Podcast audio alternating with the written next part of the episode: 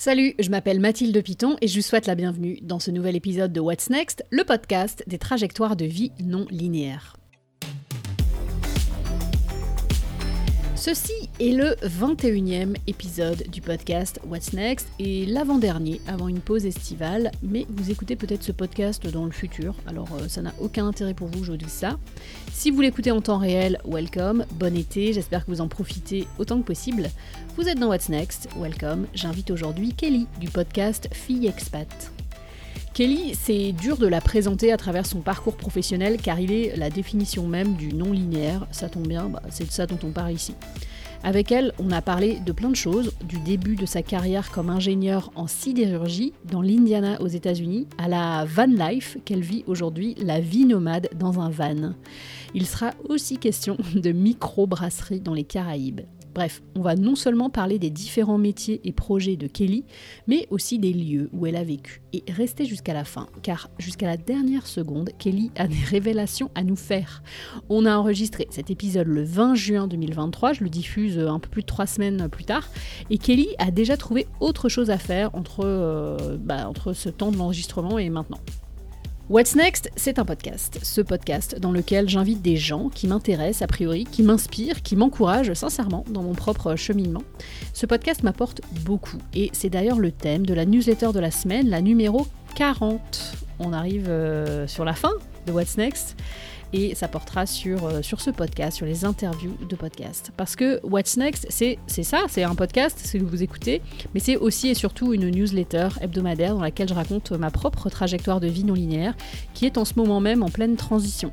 Si ces thèmes de la carrière, des choix de vie vous intéressent, je vous invite à rejoindre l'abonnement payant de What's Next sur Substack. Ce projet existe euh, comme ça, par vos abonnements, par le soutien des auditoristes. Je vous encourage à vous abonner maintenant si ce n'est pas encore fait, car je vais faire donc une pause en août pour les abonnés, vous pourrez toujours accéder au contenu écrit et audio, vous pourrez commenter, vous inscrire au prochain live. Euh, pendant toute la durée de la pause, vous ne serez pas prélevé de votre abonnement mensuel. Par contre, pendant cette pause, si vous n'êtes pas abonné, bah, il ne sera pas possible d'accéder à ces contenus. C'est comme ça, c'est Substack qui fait les règles. Alors rejoignez ma newsletter maintenant, tant qu'il est encore temps. Toutes les infos sont en note de ce podcast. Je vous attends. Je sais que vous avez envie de le faire. Faites-le. Just do it. Et maintenant, place à ma conversation avec Kelly. Salut Kelly. Salut Mathilde. Je t'ai contacté il y a quelques semaines pour euh, te demander de m'interviewer dans ton podcast, mais tu m'as dit que c'était pas possible, que ton planning était déjà fait pour quelques mois. Alors je me suis dit, un, que tu étais euh, plus prévoyante que moi, mais deux, je me suis dit qu'en fait, en discutant avec toi, tu étais une bonne candidate pour What's Next, pour parler ici parce que j'ai l'impression que ta vie, elle est en perpétuelle réinvention. Alors, avant toute chose, je voulais te demander où tu étais en ce moment. Euh, d'où est-ce que tu m'appelles? Alors, en ce moment, je suis dans la chambre d'un Airbnb qui se trouve dans la ville de Redweed, euh, qui est entre Edmonton et Calgary. Donc, c'est la province de l'Alberta euh, au Canada. Je pense qu'on va reparler de lieux parce qu'avec toi, on ne pourra pas parler de travail sans parler de, lieu de vie. Euh, comment est-ce que justement tu réponds à cette question? Qu'est-ce que tu fais dans la vie? Alors justement, je savais que tu allais me poser cette petite question. Et donc, je me suis dit, je vais lui répondre ce que j'ai répondu à la dame du Airbnb hier qui m'a posé exactement la même question. Et ce que je lui ai répondu, c'est euh, je suis consultante pour euh, des startups qui sont principalement dirigées par des femmes. Consultante pour des startups qui sont principalement dirigées par des femmes. Ok. Ça. Et qu'est-ce qu'elle t'a répondu très vague. Elle m'a dit Ah bon? Mais du coup, tu fais quoi exactement pour ces startups Et tu as répondu quoi? On va refaire la conversation. Alors, du coup, j'ai répondu eh ben, ça dépend de leurs besoins, mais principalement, euh, ce que je fais, c'est que donc je fais de la, du conseil stratégique en général, les startups, euh, ils arrivent à un point où soit euh, ça passe ou ça casse. Et moi, c'est là où j'interviens pour les aider à ce que ça passe et qu'ils puissent grossir d'un point de vue euh, chiffre d'affaires. Donc, je les aide à faire toute la restructuration d'entreprise, restructuration managériale, mais aussi j'analyse avec eux tous leurs indicateurs de performance. On essaye de mettre un plan d'action en place dans les mois futurs pour que justement leur entreprise puisse survivre et que ça devienne plus qu'une petite start-up en fait qui commence à grossir vraiment exponentiellement. Et aussi sinon, ce que je propose aussi, c'est du coup, j'aide les équipes d'une entreprise à créer et à mettre et à lancer leur podcast de marque en fait. OK, donc à la fois des startups dirigées par des femmes et des podcasts de marque. Oui, alors ça, je fais la petite précision parce que j'ai déjà accompagné des startups, qui étaient dirigées par un homme et et je trouve que les hommes, travailler avec eux, c'est un petit peu c'est ça me plaît moins, on va dire, clairement, parce que je passe beaucoup de temps à essayer de justifier mon expertise, alors que moi, j'estime que je suis pas payée pour, me justifier. En fait, c'est OK, c'est normal que je t'explique pourquoi on fait cette action, mais que je passe des heures à t'expliquer pourquoi il faut la faire. Non, c'est quand on fait appel à un consultant, c'est parce qu'on a confiance en son expertise et à ce qu'il va nous conseiller.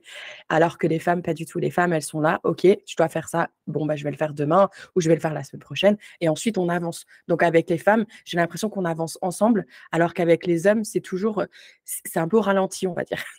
c'est mon expérience personnelle. Comment est-ce que tu les trouves, ces clientes?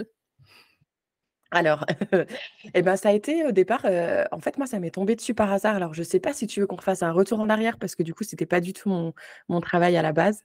On va en parler de ton travail, heu, de ton premier travail, mais si on pouvait rester, si tu es d'accord sur, OK. sur ce que tu fais maintenant, comment tu les trouves, ouais, ces femmes du coup, de qui dirigent des startups? Alors, en général, ça va être, surtout sur LinkedIn. OK. Voilà, donc ça va être, heu, des posts, ça va être du bouche à oreille. Moi, j'aime beaucoup le bouche à oreille parce que j'ai pas envie de passer des heures et des heures d'ailleurs, si tu regardes, mes réseaux sociaux, en général, je parle du podcast, mais je parle pas forcément de ce que je fais, heu, professionnellement, heu, parce que moi, j'ai pas envie de passer des heures à créer des posts, à créer des stories, à créer des choses pour me mettre en avant sur les plateformes. C'est vraiment pas une partie qui me plaît. Moi, je pense qu'il y a énormément, de bah, de satisfaction dans le bouche à oreille, en fait, parce qu'en général, quelqu'un connaît quelqu'un. En plus, moi, j'ai quand même un réseau, qui est assez gros déjà maintenant. Je sais pas si je l'ai dit que j'ai 37 ans, mais du coup, je pense que ça a son importance, j'ai plus, j'ai plus 20 ans et et du coup, moi, j'aime beaucoup le bouche à oreille. Donc tu voulais le dire, tu as fait autre chose avant. En fait, tu as travaillé, tu as eu un premier, er enfin, tu travailles dans le domaine de la sidérurgie, car à l'origine, tu es ingénieur. Ça a été quoi ton premier poste? Alors en tant qu'ingénieur, j'ai travaillé donc je l'ai fait, heu, mon école d'ingénieur en apprentissage. Ça a son importance parce que du coup, l'entreprise qui a bien voulu me prendre en apprentissage, parce que ça aussi, ça a été toute une aventure de trouver un contrat d'apprentissage. Mais du coup, ça a été ArcelorMittal, donc qui est une grosse entreprise, heu, sidérurgique en France. Donc moi, à la base, je viens de la Moselle, donc c'est très développé en Moselle, heu, la sidérurgie. Et donc moi, j'ai trouvé ce poste, c'était dans une petite équipe d'instrumentation, heu, sur un une partie du process très précis. Donc la sidérurgie, c'est fabriquer de la tôle. Ta voiture, elle est faite d'acier, heu, ta machine à laver, il y a des fois des toitures et cetera, tes boîtes de conserve. En fait, moi, j'étais dans la partie finale. Donc en fait, nous, on fabriquait l'acier qui a un revêtement par-dessus qui permet à ta voiture d'être légère, qui permet de résister à la corrosion, heu et cetera. Donc moi, j'étais dans la partie, on va dire, qui est propre, de la sidérurgie, qui n'est pas trop sale comparée à l'amont et heu et donc moi, en fait, c'est ça, heu, mon apprentissage, j'ai atterri dans cet département-là et moi, ensuite, je me suis spécialisée par rapport à ça et mon premier vrai poste d'ingénieur, du coup, ça a été aux États-Unis parce qu'à la suite de mon apprentissage, j'ai obtenu une offre d'emploi dans la même usine, mais près de Chicago. Et donc là, je suis partie. Et là, du coup, on m'a plus spécialisée en ingénieur process, euh, orienté vers un four, euh, un four industriel. Donc comme ton four dans la cuisine, mais euh, euh, peut-être 100 fois plus puissant. Alors pour rebondir cette sur cette question, je vais peut-être pas rebondir sur le détail de ce que tu faisais, excuse-moi, mais je vais rebondir non. sur ce que tu as dit près de Chicago. Donc pas à Chicago, on te propose un travail près de Chicago et toi, j'imagine à l'époque en sortie d'études, tu es toute jeune. Comment tu te dis, heu, pourquoi tu te dis: «OK, ça y est, je j'y vais, je me lan je me lance là-dedans»? De Bonne partir question. Parce qu'on me l'a pas proposé comme ça, c'est surtout moi qui ai été le chercher. Moi, je pense surtout qu'on va chercher les opportunités, elles ne tombent pas du ciel. Donc pendant les 3 ans de mon cursus d'ingénieur, j'ai dû effectuer un stage de 12 semaines. Donc je le savais, c'était à l'étranger. À l'époque, j'étais déjà partie 3 mois, heu, avant mon école d'ingénieur, heu, au Pays de Galles, mais mon anglais ne s'était pas du tout amélioré. En France, pour avoir un diplôme d'ingénieur, en tout cas moi à l'époque, il fallait que tu valides le test du TOEIC. Je sais pas si tu en as déjà entendu parler, mais c'est un test de Mmh. 2 heures pour celles et ceux qui ne qui qui connaissent pas. C'est un test de 2 heures écrit et oral où, on nous teste sur notre anglais. Moi, j'étais loin de le réussir ce test. Le problème, c'est si je le réussis pas, j'ai pas mon diplôme d'ingénieur. Donc là, j'ai dit: «OK, il faut que je parte quelque part où je risque pas de croiser des Français ni des Belges et que je vais pas être tentée à parler français». Donc j'ai pris la carte de mon de mon entreprise, j'ai vu une usine à près de Chicago, j'ai dit: «OK, c'est là où je veux aller» et là, j'ai tout fait pour qu'ils me prennent en stage. C'était la crise. Ils ont fini par accepter, donc j'ai fait mon stage. Tout s'est bien passé. Pour moi, ça a été le meilleur été de ma vie et heu et donc au final, à la fin, ils m'ont proposé de revenir à la à la fin de mon de mon diplôme et donc c'est dans ces circonstances-là, heu, que j'ai pu repartir, heu, c'était en 2012. Mais toi, alors moi je sais que quand je suis partie vivre à l'étranger, j'ai vécu dans différentes villes en Europe, mais à chaque fois je je le cadre de vie était assez important. Je voulais une ville qui soit où je puisse marcher, faire du vélo, ce genre de choses. Toi, tu, tu débarques donc dans l'Indiana. Ça ressemble à quoi ton quotidien, outre le travail, dans cette ville de l'Indiana? Alors, est-ce que tu veux savoir quand j'étais en stage et que j'avais pas de voiture ou quand je suis arrivée en tant qu'ingénieure et là j'avais une maison et une voiture? De de mon appart? ouais, dis-moi du coup quand, tu as fait ton stage, tu t'es rendu compte donc tu avais besoin d'une voiture, plus de plus d'espace, comment ça s'est passé? Ouais, Ouais. les 2 Donc en fait, moi, quand je suis arrivée à en stage, déjà, j'ai été super, chanceuse parce que j'ai une, dame américaine qui m'a accueillie à l'aéroport, qui m'a accueillie chez elle. Ensuite, elle m'a installée dans une chambre universitaire pour y passer l'été, puisqu'ils avaient un partenariat. Donc j'étais dans l'État d'Indiana, mais qui est en frontière avec l'Illinois, qui est donc là où se trouve Chicago. Donc j'étais à 40 minutes de Chicago et j'étais dans l'université de Purdue Calumet et heu, je me souviens même une fois, j'avais oublié enfin, j'avais oublié ma brosse à dents. J'ai voulu marcher au magasin et ma coloc j'avais une coloc américaine, elle me dit: «Mais ça va pas, tu as marché pour aller au magasin, mais il y a pas de trottoir». Je dis: «Bah oui, en fait, j'ai remarqué qu'il y avait pas de trottoir, mais j'y suis quand même allée, il me fallait une brosse à dents». Et effectivement, sans voiture, c'est juste impossible, en fait. Même les transports publics, bah, surtout que moi, j'allais dans une usine, donc il y a pas des des transports en public qui vont t'emmener dans l'usine. L'usine en elle-même, c'est déjà une ville, donc en général, il faut une voiture. Donc moi, j'ai eu la chance, là, j'utilise le mot chance, je je l'emploie pas souvent, mais qu'il y a des des étudiants qui étaient aussi dans ces dans cette université qui avaient aussi un stage et qui ont accepté de m'emmener et de me ramener tous les jours. Donc là, je dépendais de leurs horaires à eux, mais au moins ils m'emmenaient et ils me ramenaient, heu, chez moi, en fait, tous les jours.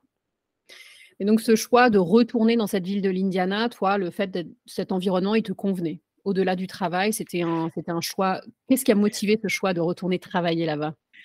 Écoute, déjà l'été, il a été incroyable, c'était un été magnifique, à l'inverse en Moselle où il pleut très souvent. En plus, j'ai rencontré des Américains qui m'ont vraiment pris sous leurs ailes, qui m'ont emmenée camper, qui m'ont fait visiter plein de choses. Enfin, je sais pas, j'avais l'impression de vivre une nouvelle vie que j'avais jamais vécue et même si oui, il faut des voitures et oui, même si j'ai pris, heu, je pense je pense honnêtement que j'ai dû prendre 10 kilogrammes pendant que j'étais là-haut, mais ça, c'est parce que je l'ai bien voulu, hein. J'ai envie de mettre les choses, dans leur contexte. Heu, les Américains, on peut manger si on veut, mais si on veut pas manger, on n'est pas obligé. Ne force pas. Mais moi, je voulais vraiment m'imprégner de la culture et en fait, j'ai tellement aimé ma vie sur place que je me suis dit: «Bah, pourquoi pas, bah, continuer sur cette lancée-là?» et quand j'ai eu, l'opportunité, en plus, quand j'ai vu le les chiffres sur le contrat de mon salaire comparé à ce que mes amis, qui aussi se mettaient sur le marché du travail en Europe, quand je comparais les salaires, c'était rien à voir. Enfin, je me disais: «Je serais complètement folle de pas accepter une opportunité pareille». En plus, ils me payaient mon billet d'avion. J'avais pas un contrat d'expat, mais ils ils me payaient un aller simple, ils me payaient, 1 mois de voiture de location, un mois d'hôtel, le temps que je puisse m'installer correctement. Donc quand tu es jeune ingénieur et qu'on te propose tout ça, tu te dis: «Mais c'est fou». Ouais, donc tu tu y vas et tu restes, heu, combien de temps dans ce 1er poste? Donc là, c'est pour ça que je te disais: «Est-ce que tu veux que je te parle de ma mon expérience en stage ou en vie?» parce que là, du coup, pour moi, je trouve que ça a été vraiment, une vie complètement différente. Elle a été tout aussi, pour moi, en tout cas, épanouissante, mais beaucoup plus challengeant, en termes d'ingénieur. Parce que là, du coup, tu comptes plus tes heures. Heu, un contrat de 40 heures, ça n'existe pas. Heu, j'avais un téléphone, heu, tu sais, on avait les vieux BlackBerry où tu as la petite lumière qui clignote. Je sais pas si tu les as déjà vus? J'avais l'impression que j'étais obsédée par cette petite lumière parce que dès que j'avais un mail, j'avais envie d'y répondre. En fait, je pense aussi que je me mettais une pression parce que comme du coup, j'étais, je venais de l'étranger, j'avais l'impression qu'il fallait vraiment que je fasse du bon travail et j'avais l'impression de travailler tout le temps. J'avais 2 semaines de congé. Pendant ces 2 semaines-là, je rentrais en France pour pouvoir participer au mariage de mes meilleurs amis.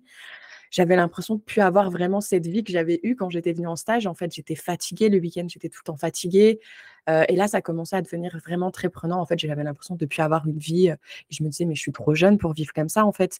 Heu, moi, l'objectif, c'est pas non plus de cumuler, des, zéros sur mon compte en banque pour pouvoir m'acheter des grosses maisons et des bateaux. Moi, j'ai envie de voyager, c'est ça qui me c'est ça qui m'excite dans la vie. Là, en l'occurrence, j'avais même pas le temps de le faire, en fait. C'est drôle parce que le tout 1er podcast que j'ai enregistré, c'est aussi quelqu'un qui était ingénieur au Canada et qui travaillait énormément et au bout de 3-4 ans, il me semble, elle est partie. Elle a fait un burn-out et elle s'est dit: «OK, je je pars» et elle est partie en voyage autour du monde, quoi. Donc c'est c'est étonnant le le Bah, c'est c'est étonnant parce que moi, je vais te dire totalement l'inverse de mon expérience au Canada. Alors, qu'est-ce qui se passe? Donc quand tu te rends compte que c'est c'est too much en fait au dans ton dans ce poste, dans l'Indiana? Alors là, quand je me rends compte que c'est too much, heu, je râle beaucoup comme toute bonne Française qui se respecte. Je râle beaucoup, je râle beaucoup, mais je ne fais pas grand chose Et là, je rencontre une équipe d'ingénieurs canadiens qui viennent de la même usine, du coup, et ils viennent pour un benchmarking, donc un échange d'informations. Donc, ils allaient installer un four similaire à ce qu'on avait. Et je te rappelle juste que moi, du coup, j'étais devenue l'experte du four. Et donc, moi, j'étais celle qui allait les accueillir, qui allait. donc, ils ne parlaient pas français, par contre, c'était la partie anglophone du Canada. Mais bref, je les accueille. Les Canadiens sont vraiment adorables, autant que les Américains, j'ai envie de dire. Mais il y a cette petite touche en plus, surtout que c'était un groupe d'hommes. Donc, moi, tu sais, j'étais. Enfin, eux, ils me l'ont dit après coup. Donc, je te répète un peu ce qu'ils m'ont dit, mais ils étaient impressionnés puisqu'ils voyaient une jeune femme. En plus, à l'époque, j'étais vraiment devenue toute mince, euh, toute blonde et tout. Euh, et, j'avais un bleu de travail, j'avais un casque, j'avais les mains noires, j'avais de, la, graisse sous les ongles. Je rentrais dans le four, je tenais tous les équipements mécaniques. En fait, moi, je travaillais avec les mécanos. Au Canada, c'est interdit pour les ingénieurs de faire ça. Un ingénieur, il n'a même pas le droit de tenir un tournevis, tu vois. Euh, donc, eux, ils étaient vraiment impressionnés de me voir travailler comme ça. Je, connaissais beaucoup mon. enfin, j'avais une expertise, du coup, donc ils étaient vraiment impressionnés. Et ils m'ont proposé d'aller manger avec eux le soir. Et pendant le repas, euh, moi, je leur ai carrément demandé est -ce que vous recrutez, en fait? Parce que vous avez l'air trop sympa. vous avez l'air trop sympa, j'ai besoin de nouveautés. Et en plus de ça, au même moment, nous, dès qu'on avait des soucis, alors euh, en termes de qualité de produit ou en équipement de panne, on nous disait contacter l'usine euh, au Canada parce que eux, euh, c'est les meilleurs en fait sur toute l'Amérique du Nord.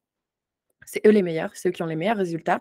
Donc contactez-les et voyez avec eux comment ils ont fait pour résoudre ces problèmes. Donc moi là, je suis jeune ingénieur, je me dis mais attends, si les meilleurs ils se trouvent là-haut, qu'est-ce que je fais là? Moi, j'ai envie d'apprendre des meilleurs, en fait. Donc, c'est pour ça aussi que j'en ai profité pour glisser mon CV pendant ce repas. Et, euh, ensuite, il y a tout qui s'est passé à une vitesse impressionnante. Ils sont rentrés au Canada. Deux jours après, je recevais un appel d'un manager qui voulait me faire un entretien d'embauche. La semaine d'après, je faisais les entretiens d'embauche. Quelques semaines après, on me mettait dans un avion pour que je puisse venir voir les conditions. Et là, j'arrive au Canada et on me montre qu'il y a une salle de sport, qu'on a des cours de yoga entre midi, des cours de, on a, on peut avoir des coachs sportifs, etc. Que l'ingénieur est fini à 15h30, point barre. Il n'a pas de téléphone professionnel, donc les week-ends et les soirs, c'est à lui. ils veulent que les, opérateurs de ligne et les, tout ce qui est les dépanneurs soient très indépendants et ne dépendent pas des, des ingénieurs. Et moi, je me suis dit, mais c'est une autre vie. Depuis quand un ingénieur, il finit à 15h30 donc j'imagine tu as dit oui et tu arrives dans quelle ville à ce moment-là? Et donc là, j'arrive dans la ville. Donc l'usine se trouve à Hamilton, qui est entre Toronto et les chutes du Niagara. Et moi, je me suis installée dans la petite ville de Burlington, qui est juste à côté, qui est absolument super cute au bord du lac euh, Ontario. Donc le lac Ontario, euh, qui ressemble à la mer, parce qu'on ne voit pas le bout. Et, euh, et donc c'est là que j'ai décidé de m'installer et où je suis restée pendant un peu plus de six ans. Et là, comment tu passes en fait de ce, de ce travail quand même qui est très spécifique et qui demande des compétences que tu as acquis au fil des années, il y a quand même, as quand même une certaine, voilà, tu as complètement une expertise dans ton, dans ton domaine à ce que tu fais, donc je répète, consultante pour des startups de femmes.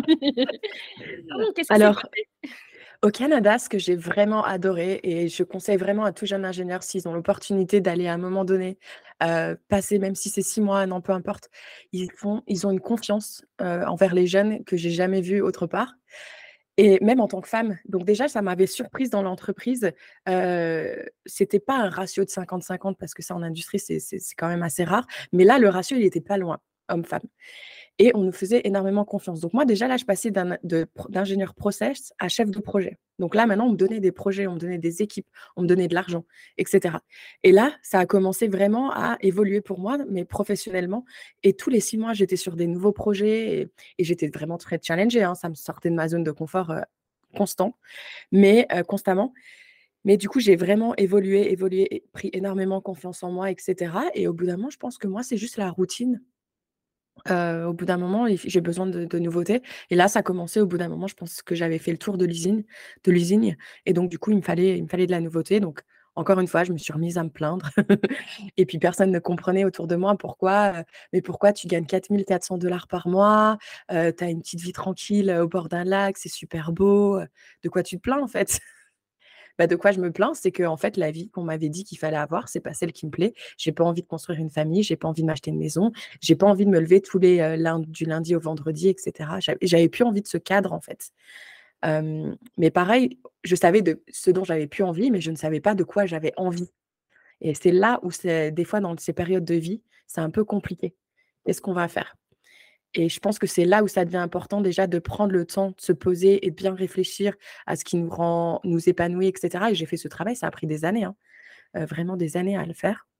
Qu'est-ce que tu dis? J'ai fait ce travail, quel qu'est-ce que tu as vu? Tu as vu un thérapeute? Tu as vu un coach? tu as voyagé? Qu'est-ce que tu as fait?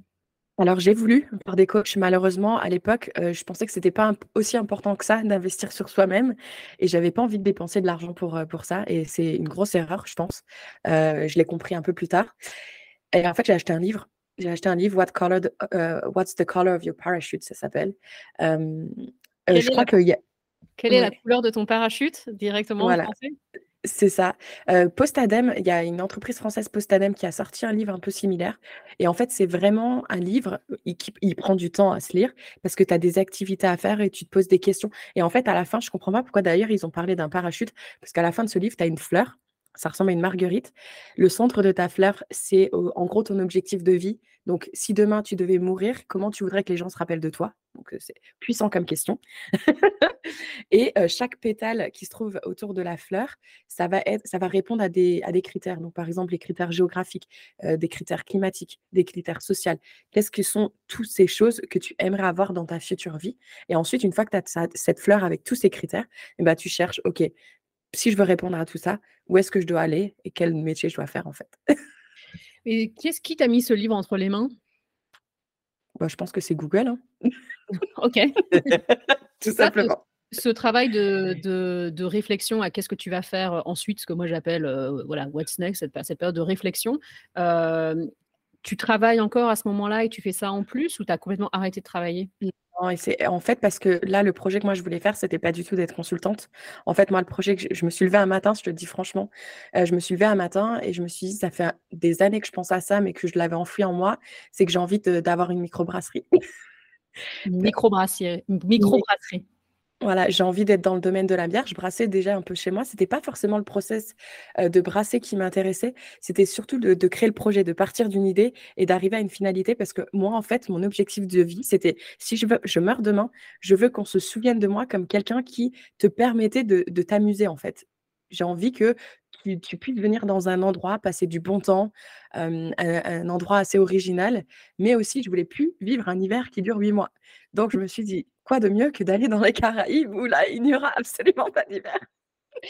Est-ce que c'est peut-être, euh, ma, question est peut-être caricaturale, mais c'est, tu dis que tu t'es levé un matin et tu t'es dit, ouais, je vais vraiment faire ça à la microbrasserie, mais en même temps, tu lisais ce livre. En fait, c'est tout ce processus qui a, euh, qui a un peu infusé. À un moment, tu dis, ouais, franchement, c'est ça, quoi. Microbrasserie. Ma fleur, je l'avais fini. Hein. La fleur était faite. Donc là, maintenant, j'étais un peu dans le process de réflexion. Et, j'avais l'idée, mais je n'osais pas trop la mettre sur papier. Et c'est là où j'ai pris un coach. C'est pour ça que je dis, je l'ai compris un peu plus tard. Ça a pris trois ans quand même. Et là, j'ai pris un coach. Et, en fait, j'ai aussi compris, j'ai lancé le podcast en même temps, qui m'a beaucoup inspiré aussi de, pouvoir aller interroger. Parce qu'en fait, j'avais toujours cette, cette crainte au fond de moi. Donc, ça va paraître un peu con ce que je vais dire, mais tu sais, tu as une voiture, tu as plein de biens immobiliers, tu as plein de choses. Et tu te dis, ouais, je vais faire quoi de tout ça? Parce que là, emmener un conteneur dans les Caraïbes, c'est juste pas possible en fait. Et, qu'est-ce que je vais faire de tout ça? Et j'avais pas ce déclic encore de vouloir tout vendre. Et puis finalement, une fois que tu commences à vendre, ben, finalement, ça va assez facilement. Mais je comprends, je comprends qu'il y ait des freins, que ce soit, quand tu as atteint un certain niveau de vie, un certain confort de vie, de, renoncer à ça sans savoir ce que tu vas faire après. C'est normal de se poser la question, de se dire, OK, voilà, c'est très concret. J'aime bien que tu dis ça. OK, qu'est-ce que je vais faire et de dire que la réponse est vendre la voiture, ça paraît évident, mais quand tu es dedans, je pense que c'est dur de le voir. C'est ça. Et tu vois aussi ce qui est difficile. Donc moi, je vivais seule, je le rappelle. Je pense que euh, peut-être que quand on est en couple, c'est différent. Mais moi, du coup, j'étais souvent toute seule dans ma tête, en fait. Donc bon, j'écoutais aussi beaucoup de podcasts pour essayer d'être moins seule avec moi-même. Mais ce qui a été pour moi, je pense, le plus compliqué, ça a été mon encourage en France de leur expliquer tout ça, de comment tu passes d'une vie ingénieur posée, euh, tu sais, la vie de cette case que eux, ils rêvent tous, ou en tout cas qui vivent, ah non, je vais, je vais complètement tout claquer pour tenter un truc qui n'a absolument rien à voir. C'était plus d'affronter leurs craintes et leurs peurs à eux qui a été difficile pour moi, même si je les avais quand même impliqués dans beaucoup de dans mes process de réflexion, etc. Je les ai toujours impliqués. Je, je communique beaucoup sur ce que je fais, etc. Et ça, ça a été vraiment compliqué. Mais heureusement, mes amis canadiens et mes collègues même d'ailleurs ne sont pas du tout dans cette démarche-là. Eux, ils sont très positifs, ils sont toujours dans, dans l'encouragement. Et quand j'ai annoncé ma démission, donc je l'ai annoncé le 14 juillet, tu sais, je me suis dit l'indépendance de la France. Kelly prend son indépendance. Euh, je me souviens de la réaction de mon, manager. Donc, c'était une réunion normalement de, bilan euh, de milieu d'année sur mes objectifs professionnels. Et avant qu'on commence, je lui dis écoute, euh, est-ce qu'on peut j'aimerais te parler d'autre chose avant qu'on attaque ça? Il me dit pas de souci. Et là, je lui ai annoncé la nouvelle et il a, il a sauté de joie en fait. Il m'a dit écoute, je suis triste que tu partes parce que tu t'avoir dans notre équipe, ça a été un atout pendant toutes ces années. Il me dit, mais ça correspond tellement à ta personnalité. Parce que si les gens m'écoutaient, ils savaient que j'adorais aller chercher toutes les microbrasseries qu'il y a partout dans le monde. Ils savaient que j'adorais échanger avec les brasseurs, que j'adorais échanger avec les propriétaires, etc., de connaître leur histoire. Donc, c'était logique, en fait. Et puis, eux, ils me le disaient tout le temps, on voit bien, tu es au Canada, ta famille est loin. Là, en rentrant dans un territoire français, ils peuvent se rapprocher de toi. Donc, pour eux, ça a été logique. Ils m'ont énormément encouragé. Toute la semaine, là, j'ai eu environ une trentaine d'appels téléphoniques de mes collègues parce que du coup, je connaissais du monde dans l'entreprise, et tous, ils étaient dans cette démarche d'encouragement. Alors qu'à l'inverse, en France, on me disait, mais qu'est-ce qu'elle fout? Est-ce qu'elle est tombée sur la tête? Parce qu'en plus, je rappelle, c'était Covid, je ne l'ai pas dit, mais Covid venait de commencer.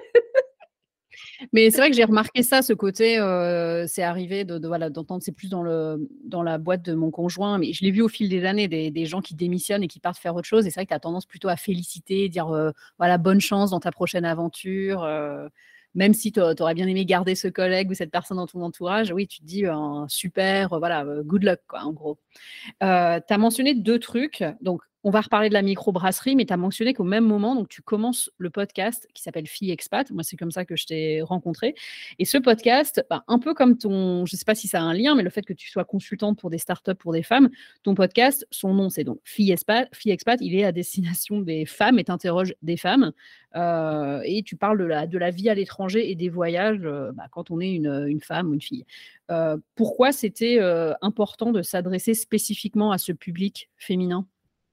Alors, juste une petite précision. Moi, j'ai pas, je dis pas qu'il s'adresse aux femmes. Pour moi, il s'adresse à tous les genres. Parce que je trouve que justement, ça serait bien que les hommes s'intéressent un petit peu plus à ce qui se passe dans la tête des femmes. Je pense qu'on se comprendrait beaucoup plus c'est juste que j'ai décidé de tendre mon micro uniquement aux femmes, parce que je pense que j'ai envie de leur donner un endroit où elles peuvent s'exprimer, où elles peuvent raconter leur vie. Il y a énormément de femmes francophones qui vivent aux quatre coins du monde, qui ont des histoires qui sont complètement, intéressantes et enrichissantes pour d'autres et j'ai envie de leur tendre leur micro. Il existe d'autres podcasts sur le voyage et l'expatriation, qui tendent de micro à des hommes.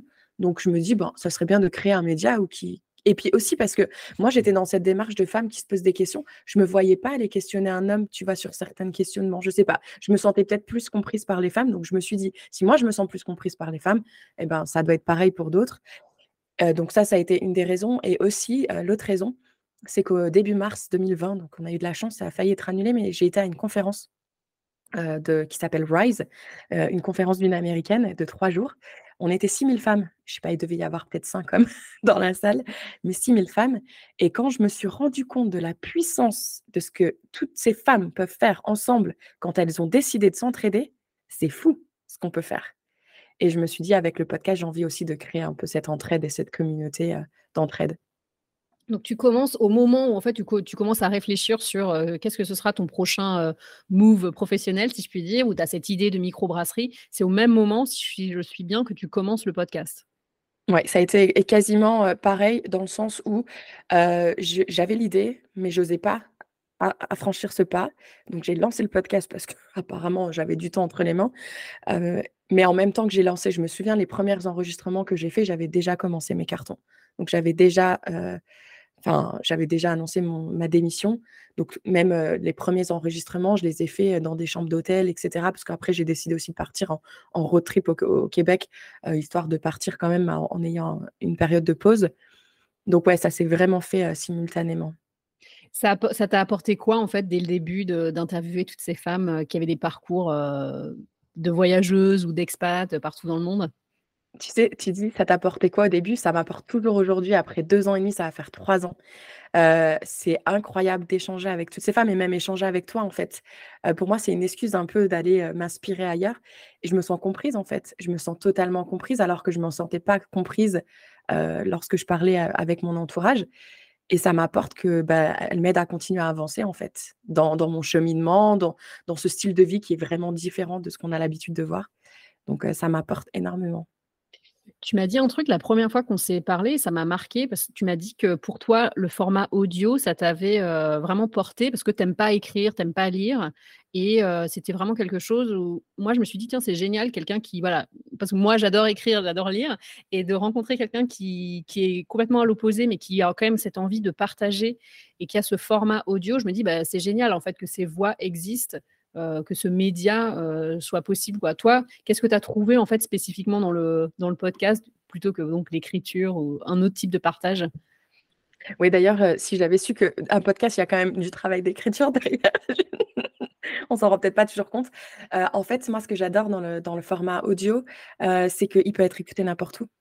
Et c'est ce que je faisais. En fait, moi, j'étais une très grosse consommatrice de podcasts avant de lancer le mien je l'écoutais. C'est déjà ça m'aidait à aller marcher, à aller courir. je l'écoutais pendant que je faisais à manger, pendant que je faisais la vaisselle, le ménage, etc. Et, je trouve que c'est ça qui est bien dans le format podcast, c'est qu'il peut s'écouter à n'importe quel moment. et donc, je sais pas. Je trouve que ça nous aussi ça nous permet de ne pas être dans notre tête. Tu vois, on est on est écoute, on, est dans le récit en fait. Tu sais, quand tu lis un livre, c'est facile des fois de divaguer un peu sur autre chose ou alors que là, tu as tes écouteurs sans fil, tu es dans l'histoire et c'est dur de dévier, je trouve. Je sais pas toi, ce que tu en penses? Euh, ben moi, j'adore lire, mais je, si, si c'est un bon livre, j'ai l'impression d'être à fond dans mon histoire. Mais je vois ce que tu veux dire. Tu es complètement englobé quand tu écoutes un podcast par l'histoire d'une autre personne. Et si je trouve que moi, si mon esprit commence à divaguer, c'est que voilà, je n'accroche pas. Et soit je vais écouter plus tard, euh, soit bon, bah, en fait, c'était pas le bon, le, bon épisode, je sais pas. Mais ouais, je vois mmh ce que tu veux dire, ce côté d'être englobé et vraiment, ouais, d'être pris par une histoire. Quoi. Mmh et puis, tu entends les émotions dans un podcast, je trouve aussi. C'est vrai. Ouais. et tu dis beaucoup de choses. Je trouve qu'en 40 minutes, en une heure, on peut dire énormément de choses. Non, c'est vrai. Est-ce que tu imagines pouvoir en vivre du podcast? Parce que tu travailles aussi avec des marques. Alors, je dirais que en vivre, ça va être un petit peu compliqué, ou soit il faudrait que je passe la deuxième vitesse, je pense. J'ai eu quelques sponsors qui sont venus sponsoriser le podcast. Donc ça aussi, ça m'a, bien, ça, ça, a changé un peu la trajectoire parce que du coup, tu te souviens, je suis passée d'une idée de lancer une brasserie à je deviens consultante. Donc ça, ça m'a un peu dévié dans ma trajectoire. Et là, aujourd'hui, comme je propose de créer des podcasts de marque, si j'avais pas eu FiExpat et l'expérience que j'ai eue grâce à ce podcast, donc j'en vis, je vis pas de FiExpat, mais je vis de, ce que j'ai appris à travers FiExpat. Donc aujourd'hui, justement, c'est ce que tu dis, tu as dévié un peu ton idée de brasserie, elle, a un peu, elle est sur le côté, c'est pour plus tard, t'en es où de ça, de cette idée-là? J'ai fermé la parenthèse. Euh, en fait, donc du coup, je suis quand même partie m'installer sur l'île de la Guadeloupe que j'ai absolument adorée. Euh, c'est vraiment une ville, euh, une île qui mérite d'être vue par tout Français.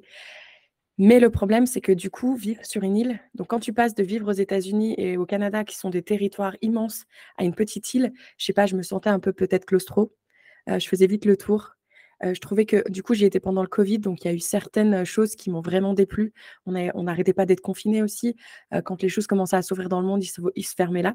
Donc moi, du coup, à un moment donné, hein, ils ont annoncé un confinement. Donc j'avais quand même bien avancé sur mon projet qui s'était transformé maintenant en, bar à bière ambulant. Donc j'allais acheter un vieux combi au Mexique et le construire. Ouais, et le construire. j'avais tout un concept un peu à l'américain aussi. Donc j'avais vraiment, j'avais, j'avais joint un incubateur qui m'a beaucoup assisté là-dessus.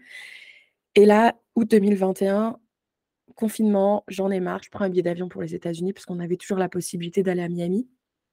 Et je vais interroger une Française qui a ouvert une start-up à Atlanta parce que voilà, je suis à Atlanta et que j'ai mon podcast, donc je me dis pourquoi pas. Et en fait, c'est elle aussi qui a un peu switché, enfin, elle fait partie des personnes qui ont un peu changé mon plan de route parce que du coup, en fait, on a eu un petit coup de foudre amical. Elle, elle avait vraiment besoin d'aide dans sa startup parce qu'elle comptait plus ses heures, elle s'en sortait pas. Et elle m'a dit, écoute, j'ai l'impression que ton profil pourrait vraiment correspondre à ce que je recherche comme personne freelance. Donc, est-ce que ça te dirait de, travailler pour moi pendant quelques mois? Et moi, à l'époque, je ne savais pas du tout comment fait un devis. Je ne sais pas du tout combien je suis censée demander comme tarif. Mais du coup, j'ai appelé quelques copines qui, elles, été passées par là. Elles m'ont beaucoup conseillé. Donc ça aussi, s'il y en a qui nous écoutent, peu importe dans, votre période de vie où vous êtes, inspirez-vous des autres, allez échanger. N'hésitez pas à parler de votre projet, c'est pas un secret parce que d'aller échanger sur ce que vous faites, ça va vous apporter tellement d'informations, vous allez apprendre des erreurs des autres. Et moi, du coup, c'est ce que j'ai fait. Et là, je suis partie vivre au Mexique pendant quelques mois parce que je me suis dit quitte à aller euh, vivre quelque part, autant que j'aille quelque part où je suis pas confinée et où ça coûte pas très cher. Et donc là, j'ai commencé mes premiers pas dans le monde du freelancing et du consulting. Et là, c'était super intéressant parce qu'en fait, tout ce que j'avais appris pendant 12 ans dans le corporate et dans l'industrie, ben, je pouvais l'appliquer aux startups. En fait, j'avais assimilé un tas de connaissances et de compétences que je pouvais mettre au service des autres. Et je trouvais ça vachement enrichissant. J'avais l'impression de faire la différence, en fait. Là, tu vois ce que tu fais, ça change. Et, et c'est là où tout a vraiment commencé Je trouve c'est intéressant ce que tu dis du fait de tu as reconnu que tu avais des compétences et que tu les as transférées, heu, dans une autre application. Parce que j'ai l'impression et même moi ça m'est déjà arrivé de penser ça, des fois de se dire, heu: «Ouais, j'ai travaillé, heu, vachement longtemps dans tel domaine, mais mes compétences, elles sont limitées à ce domaine». Mais en fait, il y a vachement de compétences qui sont, transverses, quoi. Et toi, ton expertise, on pourrait dire: «Ah, ben elle est experte dans l'acier», mais en fait, oui, mais tu es aussi experte en, projet, lancement de projet et compagnie, quoi. Exactement. Et justement, tu vois, c'était ça aussi un de mes freins de ne pas vouloir partir, c'est que je me dire je me suis dit: «Punaise, j'ai assimilé 12 ans d'expérience sur un four, sur le process de galvanisation. Je me suis fait un networking partout dans le monde, dans l'entreprise. Je vais perdre tout ça». On se concentre sur ce qu'on va perdre, mais non, qu'est-ce que tu as assimilé autre que tu vas pouvoir utiliser? Et c'est là où j'ai fini par le comprendre, en fait. C'est que moi, j'avais assimilé des habitudes, j'ai envie de dire que c'est même des habitudes quand tu es dans le monde du corporate. Pour nous, ça paraissait normal et je me rendais pas compte que d'autres personnes ne connaissaient pas ça, en fait. Et donc, une fois qu'on le comprend, on se dit: «Ah oui, OK, non, en fait, je suis pas si bête que ça». Et donc, de cette première expérience où tu as aidé cette personne, dans cette start-up à Atlanta, tu te tu commences à te faire un portfolio de consultante et tu continues, en fait, à développer cette activité tout en faisant ton podcast à côté et en aidant des marques à lancer leur propre podcast? Alors pas vraiment, on va dire que j'étais concentrée sur elles, les des les DL et je voulais plus vivre du podcast. Donc, je passais énormément de temps à développer le podcast. Parce qu'en fait, moi, j'avais envie de créer plus qu'un podcast. J'avais envie de créer une communauté de femmes expatriées, une plateforme. J'avais envie de créer autre chose, plus gros que le podcast. Pour moi, le podcast, c'était juste une branche de cet mmh. arbre que j'avais envie de créer. Et donc, elle, je travaillais quand même, donc ça m'aidait à, survivre, on va dire. Parce que ça ne me rapportait pas non plus autant d'argent que ce que, je peux, ce que je pouvais gagner quand j'étais ingénieure. Mais ça m'aidait à survivre, en tout cas, et à pouvoir manger et j'ai passé énormément de temps, donc tout 2020, enfin fin 2021 et 2022, j'ai passé énormément de temps sur le podcast ou à essayer de voir ce que je pouvais envisager. Et septembre 2022, là, je me suis rendu compte que ça commençait à devenir plus possible financièrement. En fait, je gagnais pas assez et j'avais, enfin, j'avais diminué mes dépenses, mais aussi j'ai dû revenir en Amérique du Nord par rapport à des questions de citoyenneté.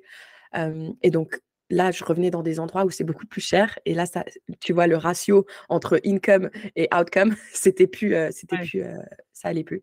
Donc, euh, du coup, là, j'ai dit, OK, là, maintenant, il faut que j'aille chercher d'autres startups parce que là, j'ai vraiment besoin d'argent. Et ça ressemble à quoi une semaine maintenant ou un mois dans ta, dans ta vie professionnelle? Ça ressemble à rien. ça ressemble à rien parce que, bah, surtout là, depuis quelques mois maintenant, j'ai commencé la van life donc ça aussi, c'est une nouveauté à 2023, parce que fin 2022, une fois que j'ai eu mon passeport canadien, je me suis dit, OK, 2022 pour moi a été difficile. Je me suis peut-être pas sur, concentrée sur des bonnes choses. Donc là, il faut que ça change, mais j'ai aussi envie de, vivre d'une vie où on m'impose plus rien, où j'ai plus de contraintes, et je me demande vraiment, OK, qu'est-ce que j'ai envie de faire? Et, puis fais-le en fait. Et donc moi, c'était vraiment toujours dans un coin de ma tête d'expérimenter la van life. J'avais plus envie d'être sur Toronto, j'avais plus envie d'être sur Montréal, mais je sais j'ai envie d'être en Guadeloupe. J'ai envie d'être un peu partout parce qu'en fait, de bouger tous les deux, trois mois, enfin, j'adore. Je sais que ça paraît bizarre à dire, mais j'adore. La van life, donc c'est la vie en van. Et tu t'es acheté un van et là, tu es en train de te promener. Là, tu es au Canada, mais en Amérique du Nord en général. C'est ça. Donc j'ai acheté un donc c'est pas vraiment un van parce que j'avais pas assez d'argent pour ça malheureusement. Euh, j'aurais peut-être dû travailler plus, mais j'avais pas envie d'attendre. Donc fin mars, j'ai acheté, euh, au Canada, c'est très courant d'acheter des grandes Dodge Caravan Ouais. et euh, et donc du coup, tu peux l'aménager. Donc moi, début avril donc je l'ai acheté fin mars, début avril, donc j'ai arrêté tous mes contrats de freelance. J'ai pris deux semaines en mode je ne travaille même plus sur le podcast, sur plus rien. Je l'ai aménagé grâce à l'aide de mes amis ontariens. Donc, c'est pour te dire, je suis partie de l'Ontario, mais mes collègues, on, a toujours, on est toujours restés en contact. j'ai cette capacité à toujours rester en contact avec les personnes proches. Et, et donc, ils m'ont aidé. J'ai construit un lit, j'ai construit une mini cuisine. Donc, c'est pas vraiment un van, j'ai pas de toilette mais donc, du coup, ouais, depuis, depuis mi-avril à peu près, je, commence à, être sur les routes. Et, et c'est intéressant, sauf quand il pleut et qu'il fait froid, c'est moins drôle. Mais, mais sinon, c'est vraiment, vraiment une vie différente. Mais ton idée, c'était, je veux plus de contraintes, je veux me sentir libre, et donc je vais partir comme ça dans, mon, dans ma Dodge Caravan, sillonner l'Amérique du Nord. C'est ça, c'est ça. Et je vais essayer de suivre le soleil aussi. Mais tu travailles encore malgré tout ça, malgré cette vie, non conventionnelle? C'est ça, donc mi-avril, je savais que j'avais été démarcher une entreprise que j'adore, que je suis depuis des années, parce que c'est lié à l'expatriation, au voyage, à mmh, inspirer la jeunesse Et donc, je les ai contactés et je leur ai dit, écoutez, je ne comprends pas pourquoi vous n'avez pas encore un podcast. Et ils m'ont dit, parce qu'on n'a tout simplement pas le temps ni les compétences pour le faire. Je leur ai dit, ben, si vous avez l'argent, moi, j'ai les compétences et j'ai le temps. Et ils ont dit, bah, ça sera avec grand plaisir, parce que du coup, ils me suivaient aussi un peu sur les réseaux. donc, du coup, on a commencé l'aventure ensemble début mai. Donc, pour l'instant, c'est le seul contrat de freelance que j'ai. qui me permet de, de pouvoir vivre correctement. Et donc, je travaille sur ça. Et tu vois, j'en rigolais encore la semaine, la semaine dernière parce que je travaille donc avec une des membres de leur équipe qui est, qui est une jeune qui se trouve à Montréal. On faisait nos réunions sur WhatsApp dans la voiture pendant que j'étais en train de traverser le Saskatchewan, tu vois, parce que j'avais du réseau. Et en fait, pourquoi se poser dans une salle de réunion si on peut tout faire par WhatsApp? Mais c'est vrai que ça semble, ça semble en fait, j'allais dire ça semble fou, mais ça semble, bah ouais, pourquoi pas en fait? Pourquoi pas faire ça? pourquoi pas? En fait, tu vois? Et c'est pour ça que j'adore travailler pour son entreprise et j'ai même encore envoyé un vocal la semaine dernière à enfin, à la personne qui a qui a qui a fondé cette entreprise en lui disant: «Mais en fait, tu te rends pas compte à quel point je te remercie de ta confiance» parce qu'aussi elle doit me faire confiance. Mais au final, j'ai un objectif. On a un lancement de podcast, on a des dates, on sait ce qu'on veut lancer. Donc tout ça, ça a été fait avant que je parte sur les routes. Une fois qu'on a tout notre plan d'action, Qu'est-ce qu'on s'en fout d'où je suis, d'où j'enregistre Tant que la qualité, elle est là et que les deadlines sont respectés, bah, si je dois faire une réunion dans ma voiture, bah, je fais ma réunion dans la voiture, en fait. Et elle, elle est, elle est dans cette logique-là où, en fait, ça, ça, ça c'est la partie qui ne l'intéresse pas. Elle, c'est, bah non, je veux voir le résultat. Et, et on fonctionne comme ça et j'adore. j'adore. Tant qu'on ne se trompe pas aussi de, d'horaire, de fuseau horaire, ça compte? Ouais, non. Alors en fait, là quand même, ce que j'ai fait, parce que ça reste un podcast de marque, c'est pour tout ce qui était enregistrement des épisodes. Là, je me suis mis dans des situations idéales. Donc, je suis restée pendant un mois chez des amis dans le Michigan, chez qui je savais que j'allais avoir la connexion Internet, la, pièce qui se prête à des enregistrements et aussi une vie stable. Donc j'ai fait ça, j'ai pris beaucoup d'avance parce que c'est ce qu'on fait avec le podcast. On peut prendre de l'avance. D'ailleurs, c'était la première fois hein, que j'ai pris de l'avance parce que je savais que ça allait arriver. Et, et en fait, j'ai pris beaucoup d'avance. C'est pour ça que là, je peux me permettre d'être sur les routes pendant quelques temps.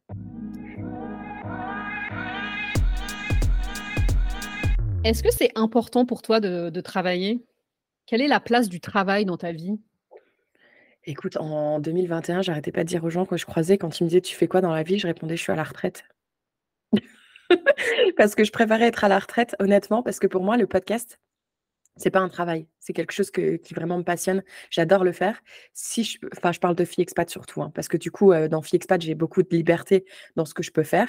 Podcast de marque un peu moins, mais pour moi, c'est pas un travail, c'est un passe-temps, comme quelqu'un qui, qui, lirait un livre ou qui ferait de la couture. On crée quelque chose, peut-être pas quand on lit un livre, on crée pas, mais si on fait de la couture ou qu'on écrit parce qu'on aime écrire, on crée quelque chose, mais c'est pas du travail pour nous. Moi, c'est ce que je recherche en fait dans la vie, c'est d'avoir un travail entre guillemets, je te fais des guillemets, mais qui, ne, qui ne, ne se ressent pas comme un travail en fait. Mais est-ce que ça implique quand même de gagner de l'argent ou c'est détaché? Bah, du coup, oui, malheureusement, dans la société, il faut gagner de l'argent. Donc, c'est pour ça que là, j'ai réussi un peu à, virer mon bateau de bord en mode, OK, ben, puisque j'adore faire du podcast, ben, il faudrait que j'essaye de gagner de l'argent par rapport à ça. Donc là, c'est ce que je suis en train de tester. D'ailleurs, tu es peut-être une des premières qui le sait en dehors de mon entourage, parce que je ne l'ai pas encore dit sur les réseaux. mais là, c'est ce que je suis en train de tester. Je suis en train de découvrir que j'adore. Donc, dans les prochains mois, je vais tenter d'aller chercher d'autres entreprises, mais aussi j'ai envie d'aller expérimenter, d'être une serveuse tout simplement, d'être un peu au contact de personnes, parce qu'être derrière l'ordinateur aussi, des fois, ça peut être un peu épuisant d'être tout seul derrière l'ordi. Donc je vais peut-être aussi aller tester le travail de serveuse dans les rocheuses, pourquoi pas, je sais pas, je verrai bien. Je vais un peu au jour le jour. tu vas un peu au jour le jour, alors est-ce que tu vas répondre à ma question Qu'est-ce que je peux te souhaiter professionnellement parlant pour les deux, trois prochaines années à venir?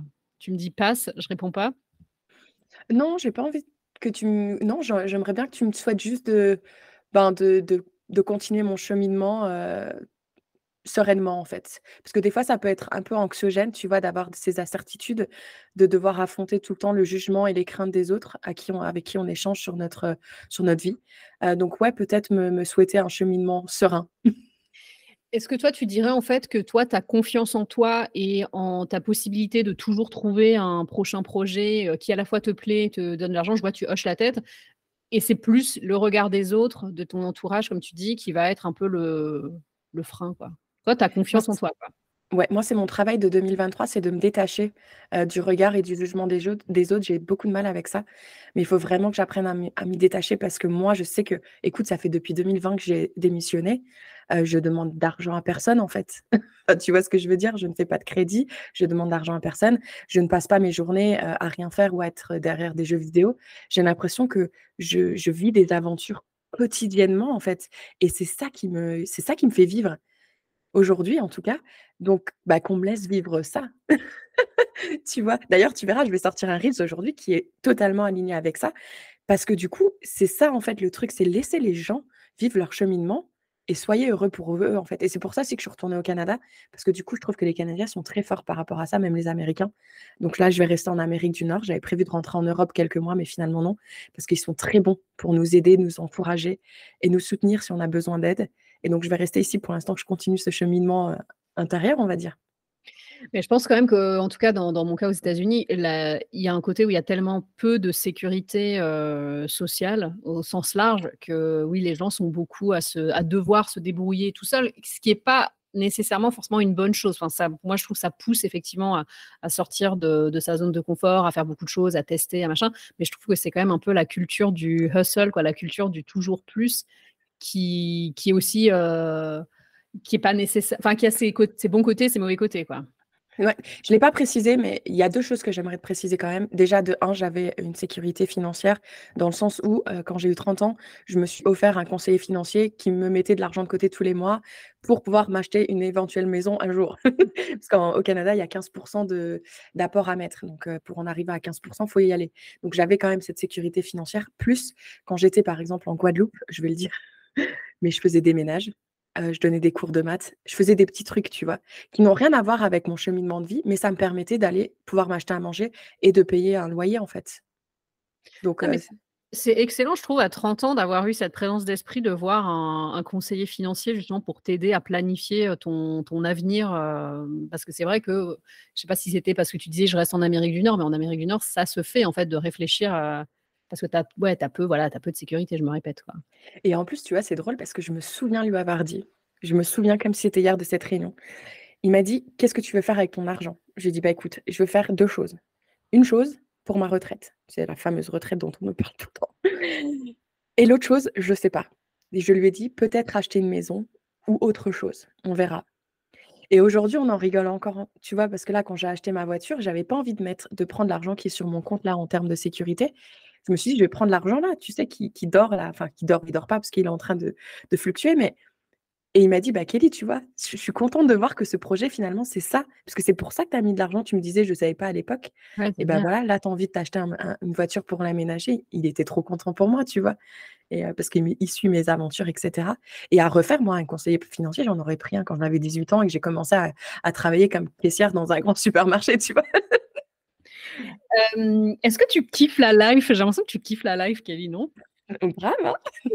Le seul le seul truc où je vais être honnête avec toi, parce que je me faisais la réflexion hier, Moi, ça commence à être un petit peu pesant, c'est d'être seule, tu vois? Où je me dis: «J'aimerais quand même bien vivre cette aventure à 2, avoir un compagnon avec moi», heu, mais aussi Romantiquement non romantiquement? romantiquement, ouais. Parce que ça fait des années que je mettais plus cet aspect-là de ma vie, en avant, mais donc si mais j'ai envie de me dire: «Non, je suis indépendante, je suis autonome, je suis capable de faire tout ça toute seule et je kiffe ma life». Il y a il y a 4 jours, j'ai vu des aurores boréales, heu, allongées par terre alors que c'était pas prévu. Enfin, si j'étais restée travailler dans mon usine d'Hamilton, heu, j'en aurais pas vu des des aurores boréales. Donc hem, donc ouais, là pour l'instant, je kiffe vraiment la life. Mais non, mais merci aussi pour ton honnêteté parce que, je pense qu'on peut kiffer la life et envie d'avoir être heu, envie d'être, heu, romantiquement, impliqué si je parle en franglais, d'être avec quelqu'un, mais tout en étant voilà, en étant indépendante et en faisant ses propres choix, quoi. Tu penses que la Kelly de 10 ans ou 15 ans, elle serait elle serait elle penserait quoi de ta vie là, maintenant? Waouh! Je sais même pas si elle serait étonnée pour être honnête avec toi. Non, je pense qu'elle serait peut-être un peu étonnée parce qu'il y a 10-15 ans, j j'avais pas du tout la même confiance que j'ai aujourd'hui. Je te le rappelle, je parlais même pas anglais, donc heu, elle comprendrait même pas qu'est-ce qu'elle fout, heu, dans un dans une province anglophone. Donc ouais, peut-être qu'elle serait un peu surprise, mais en même temps, quand je parle avec mes amis qui me connaissent depuis, heu, depuis cette époque-là, ils sont pas vraiment surpris, en fait. Ils me disent: «Mais en fait, j'ai toujours été un peu comme ça, à vouloir créer, toujours aller de l'avant, ne pas attendre sur les autres et cetera», donc ouais. Je sais pas. Étonnée ou pas, je sais pas. Et je vais terminer par, ma ma question habituelle. Tu voulais faire quoi quand tu étais petite? D'après ma maman, parce que moi je m'en souviens pas, il y avait 2, heu, je voulais être avocate. Moi, je me souviens que je voulais être syndicaliste. Syndicaliste? Parce que j'avais un prof parce que j'aimais bien défendre les élèves, heu, dans la salle quand j'étais jeune Mmh et je mh. me souviens, de mes profs qui avait dit, heu: «Ah votre fille, heu, je la verrais bien syndicaliste» et moi j'avais regardé ma mère et j'avais dit: «Maman, ça veut dire quoi syndicaliste?» et elle m'avait expliqué ce que c'était et j'avais dit: «Ouais, je vais être syndicaliste». Ouais, mais tu vois, on peut essayer de voir des liens avec la communauté de femmes autour du monde, de par de se retrouver, de. C'est pas faux.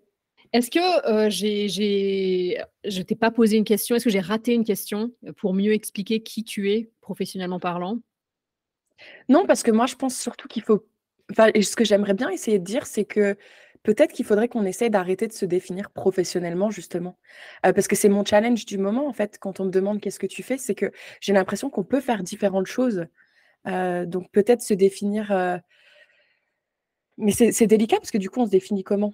Je te pose la question à toi. Comment on se définit dans ce dans ces périodes de transition et cetera, ou qui sort un peu de cette case, heu Mais tu sais, j'ai entendu un autre podcast américain Mmh qui est cette question de dire, heu, que quand on dit, heu: «Qui es-tu?» «Qu'est-ce que tu fais?» en fait les gens, souvent de l'Occident, éduqués vont répondre justement par leur métier ou par des mmh, accomplissements personnels. De dire, j'en sais rien: «Je suis un yogi, je suis, écrivain, je fais ci, je fais ça» et dans d'autres cultures, on va répondre: «Je suis la fille de Dominique, je suis la sœur de Marie» ou en fait de te définir par tes relations et je me disais: «Tiens, c'est étonnant» parce que c'est vrai que c'est pas vraiment comme ça que moi j'ai tendance à me présenter quoi, par par les relations que tu as autour de toi, quoi. Ouais et pourtant, tu vois, j'en ai pas parlé, mais moi j'ai grandi avec un jumeau et je pense que même aujourd'hui à 37 ans, d'avoir grandi avec un jumeau impacte toujours ma personnalité, tu vois? Et pourtant on n'en parle pas et c'est dommage. Et alors il fait quoi ton jumeau? Je Oh! devrais pas poser cette question. Qui est ton jumeau? Mon jumeau, c'est mon opposé, heu, vraiment et il est policier en France.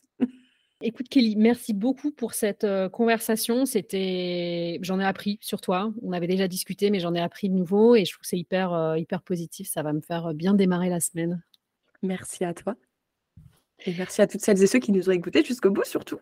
Beh oui et on te retrouve sur ton compte Instagram, redis-moi, c'est Fille Expat? C'est il est un peu bizarre mon mon compte, donc si tu veux, tu me mettras le lien dans la description, parce que ouais. J'ai voulu jouer avec l'algorithme, heu, donc c'est un peu n'importe quoi. En tout cas, on te retrouve dans ton podcast Fille Expat et puis sur Instagram, je mettrai tous les liens en note du podcast. Merci à toi et puis je te dis à bientôt pour que toi aussi tu passes dans le mien. Oui, j'ai mis la petite musique de fin, mais, mais je vous l'avais dit au début de l'épisode, en intro, Kelly m'a laissé un message quelques jours avant que je boucle son épisode. Elle nous surprend encore. Coucou, j'espère que tu vas bien. Euh, je te fais un petit vocal. Je ne sais pas quand est-ce que tu as prévu de sortir l'épisode. Je t'ai pas encore envoyé la photo, mais je n'ai pas oublié. Euh, parce que, comme il y a pas mal de choses qui se sont passées depuis qu'on a raccroché, bah, j'ai fini par euh, visiter Calgary. Ensuite, je suis descendue dans les Rocheuses. Et là, maintenant, je suis dans la ville de Bragg Creek, qui se trouve entre Calgary et Canmore où je me retrouve dans une maison euh, où je fais du workaway. Donc en fait, euh, le workaway, je sais pas si tu connais, mais c'est euh, quand tu aides les propriétaires et en échange, euh, ils t'hébergent et ils te nourrissent. Donc moi, maintenant, je me suis transformée en... je promène les chiens. Donc là, je suis en train de te faire un vocal. Enfin, j'en promène un, surtout un Rottweiler, qui est magnifique. Mais étant donné que les propriétaires ont un- une énorme forêt derrière chez eux, j'adore cette mission. Et du coup, je le nourris le matin et le soir. Et de temps en temps, je dois aussi... Enfin, je fais à manger aux propriétaires parce qu'ils n'aiment pas faire à manger. Moi, j'adore ça. Donc, euh, je trouve que niveau, euh, c'est vraiment du win-win. En plus, on s'entend super bien. Ils ont une propriété avec des chevaux. Donc là, cet après-midi, j'ai eu l'opportunité d'aller essayer euh, le carriage horse, ou je sais pas c'est quoi le nom. Donc, c'était trop cool. Et également, euh, donc là, on est dimanche quand je te fais le vocal. Euh, lundi, j'ai été déposée dans des CV parce que je suis vraiment dans une toute petite ville. Vraiment, c'est même pas une ville. Je sais même pas comment la décrire. Et euh, depuis euh, mercredi, je travaille euh, comme serveuse dans un saloon où tout se passe absolument trop bien. J'aurais pas pu espérer mieux. J'ai l'impression de, vivre ma meilleure vie là. Et, euh, voilà, je, suis contente d'avoir lâché prise parce que du coup, ça correspond exactement à, ce que j'avais envie. Donc euh, voilà. Au moment de boucler l'épisode de la semaine, je vous ai posé une question sur Instagram à What's Next Mathilde parce que j'avais envie de compléter l'épisode que je venais de terminer. J'étais un peu sur un, sur un high de, fin d'article et de fin de rédaction d'article et de fin de montage de podcast. Et euh, j'avais envie de vous demander s'il y a des podcasts qui ont changé votre vie, quels sont vos podcasts préférés. Donc j'ai posté cette petite question sur Instagram euh, lundi, en début de semaine, et j'ai reçu quelques réponses. Certaines sont par message vocal, certaines sont, certains sont juste des messages euh, écrits que je vais vous lire. Donc il y a Julie de Bretagne, salut Julie, qui n'a pas envoyé de message vocal mais qui a écrit un message très court. Elle m'a dit qu'elle a écouté tous les épisodes de Transfert, qui est un podcast produit par Slate sur des histoires personnelles. Depuis, en fait, j'en ai écouté, j'en ai écouté un ou deux, euh, et euh, c'est vrai que c'est des histoires où on est directement plongé dedans. C'est très sympa. Moi, j'aime bien en anglais un équivalent peut-être, ce serait The Moss. Euh, j'ai reçu aussi un message écrit de Aude qui n'a plus l'app Instagram, donc euh, pas moyen d'envoyer un message vocal. Me dit que c'est mieux pour, euh, pour l'addiction à Instagram de, de consulter Instagram sur le web directement. Elle m'a dit aimer le podcast French Expat, je la cite, quand j'étais coincée en France avec une galère de visa. Euh, ça m'aidait à me sentir moins seule dans mes soucis d'expat et à me raccrocher un peu à ma vie américaine par procuration. Il me permet aussi de relativiser certaines difficultés comme se faire des amis ou la culpabilité d'être loin de sa famille qu'on retrouve dans beaucoup de témoignages. Elle ajoute qu'en ce moment, elle écoute surtout Business Wars, un podcast super bien réalisé, super addictif selon ses propres mots. Et alors moi je dois dire que ça m'est arrivé aussi d'être bloquée en France pour une galère de visa. Euh, ça a duré un peu plus de deux mois, même si euh, à l'époque, quand on était dedans, on savait absolument pas combien de temps ça allait durer. Et moi, j'ai pas écouté de podcast à l'époque. J'ai regardé The Real Housewives of Beverly Hills, donc tout un pan de la culture américaine, euh, et qui n'est absolument pas vivre ma vie américaine par procuration, mais je me suis plongée dans cette dans cette, de ce monument de la culture américaine. J'ai ensuite reçu un autre message d'une autre Julie qui vit à Montréal. Salut Julie, qui a parlé de deux podcasts, dont un que je me suis mise à écouter euh, le soir même. Ça m'a vachement intriguée. C'était un, podcast qui s'appelle Premier combat. C'est en quatre épisodes assez courts sur un parcours politique un peu à la What's Next en fait. Hein. Qu'est-ce que je vais faire après? Euh, Comment se lancer en fait dans une campagne électorale? Et franchement, euh, ça m'a intrigué ce que Julie a raconté. On l'écoute et puis j'enchaîne avec d'autres messages à la suite. Salut Mathilde, moi c'est Julie, j'habite à Montréal et j'écoute plein plein plein plein de podcasts. Donc je vais tricher un peu, je vais en laisser deux.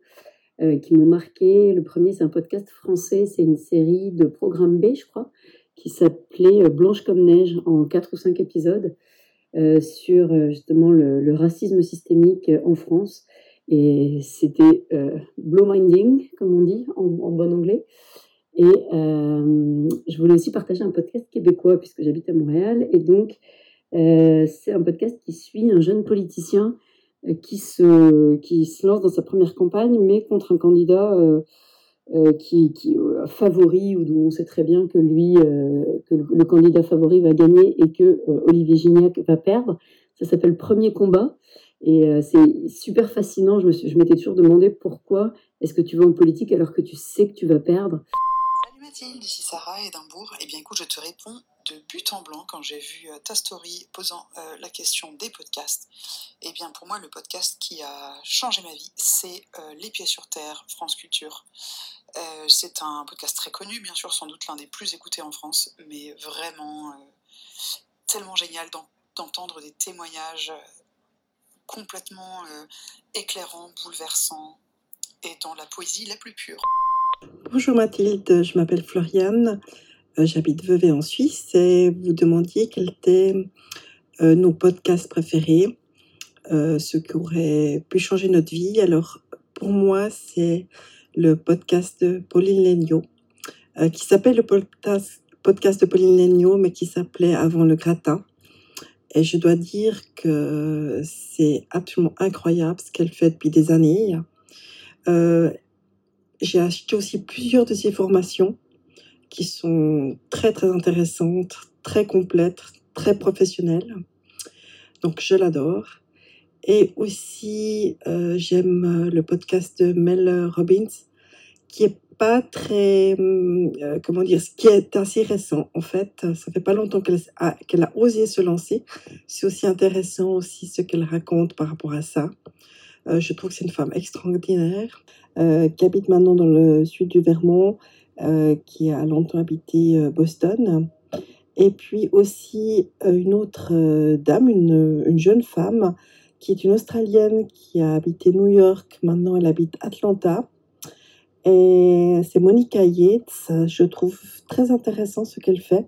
Elle a une approche de la vie euh, qui, est, enfin, qui a été très différente de la mienne, mais je trouve que c'est quelqu'un qui a, a, beaucoup de choses à dire. Euh, ouais, c'est très bien. Voilà, Mathilde, merci beaucoup aussi pour ce que vous faites. Et puis, j'ai aussi beaucoup apprécié vos guides euh, qui m'ont bien aidé l'année passée euh, lors de ma visite de Boston. Voilà, bonne journée. Merci beaucoup aux participantes de m'avoir laissé des messages vocaux sur ce thème des podcasts qui changent la vie, ou en tout cas qui l'agrémentent. Cette semaine dans la newsletter What's Next, la numéro 40. Je parle de, l'influence concrète de mon propre podcast sur moi-même, sur ma quête de prochaine aventure professionnelle, parce que finalement, parler euh, à ces femmes et ces deux hommes, pour l'instant il n'y a eu que deux hommes, eh bien ça m'influence, ça m'inspire pour de vrai. Je vous raconte tout ça et j'attends bien sûr votre, vos propres réactions euh, suite à cette newsletter. Euh, directement dans l'app Substack pour me lire, pour vous inscrire. Bah, suivez les infos en note du podcast, je vous y attends. Merci de m'avoir écouté jusqu'au bout. Rendez-vous sur Instagram What's Next Mathilde pour euh, me dire ce que vous en avez pensé, pour faire un petit coucou à Kelly. Abonnez-vous aussi euh, à son compte Instagram, écoutez son podcast Fille Expat. Et je vous dis aussi une dernière chose, notez ce podcast, vous êtes plus nombreux l'écouter qu'à le noter. J'aimerais bien savoir ce que vous en pensez. Alors mettez-lui des étoiles sur votre app d'écoute. Show me some love. Et puis je vous dis, see you on the other side, see you on Substack. Bye bye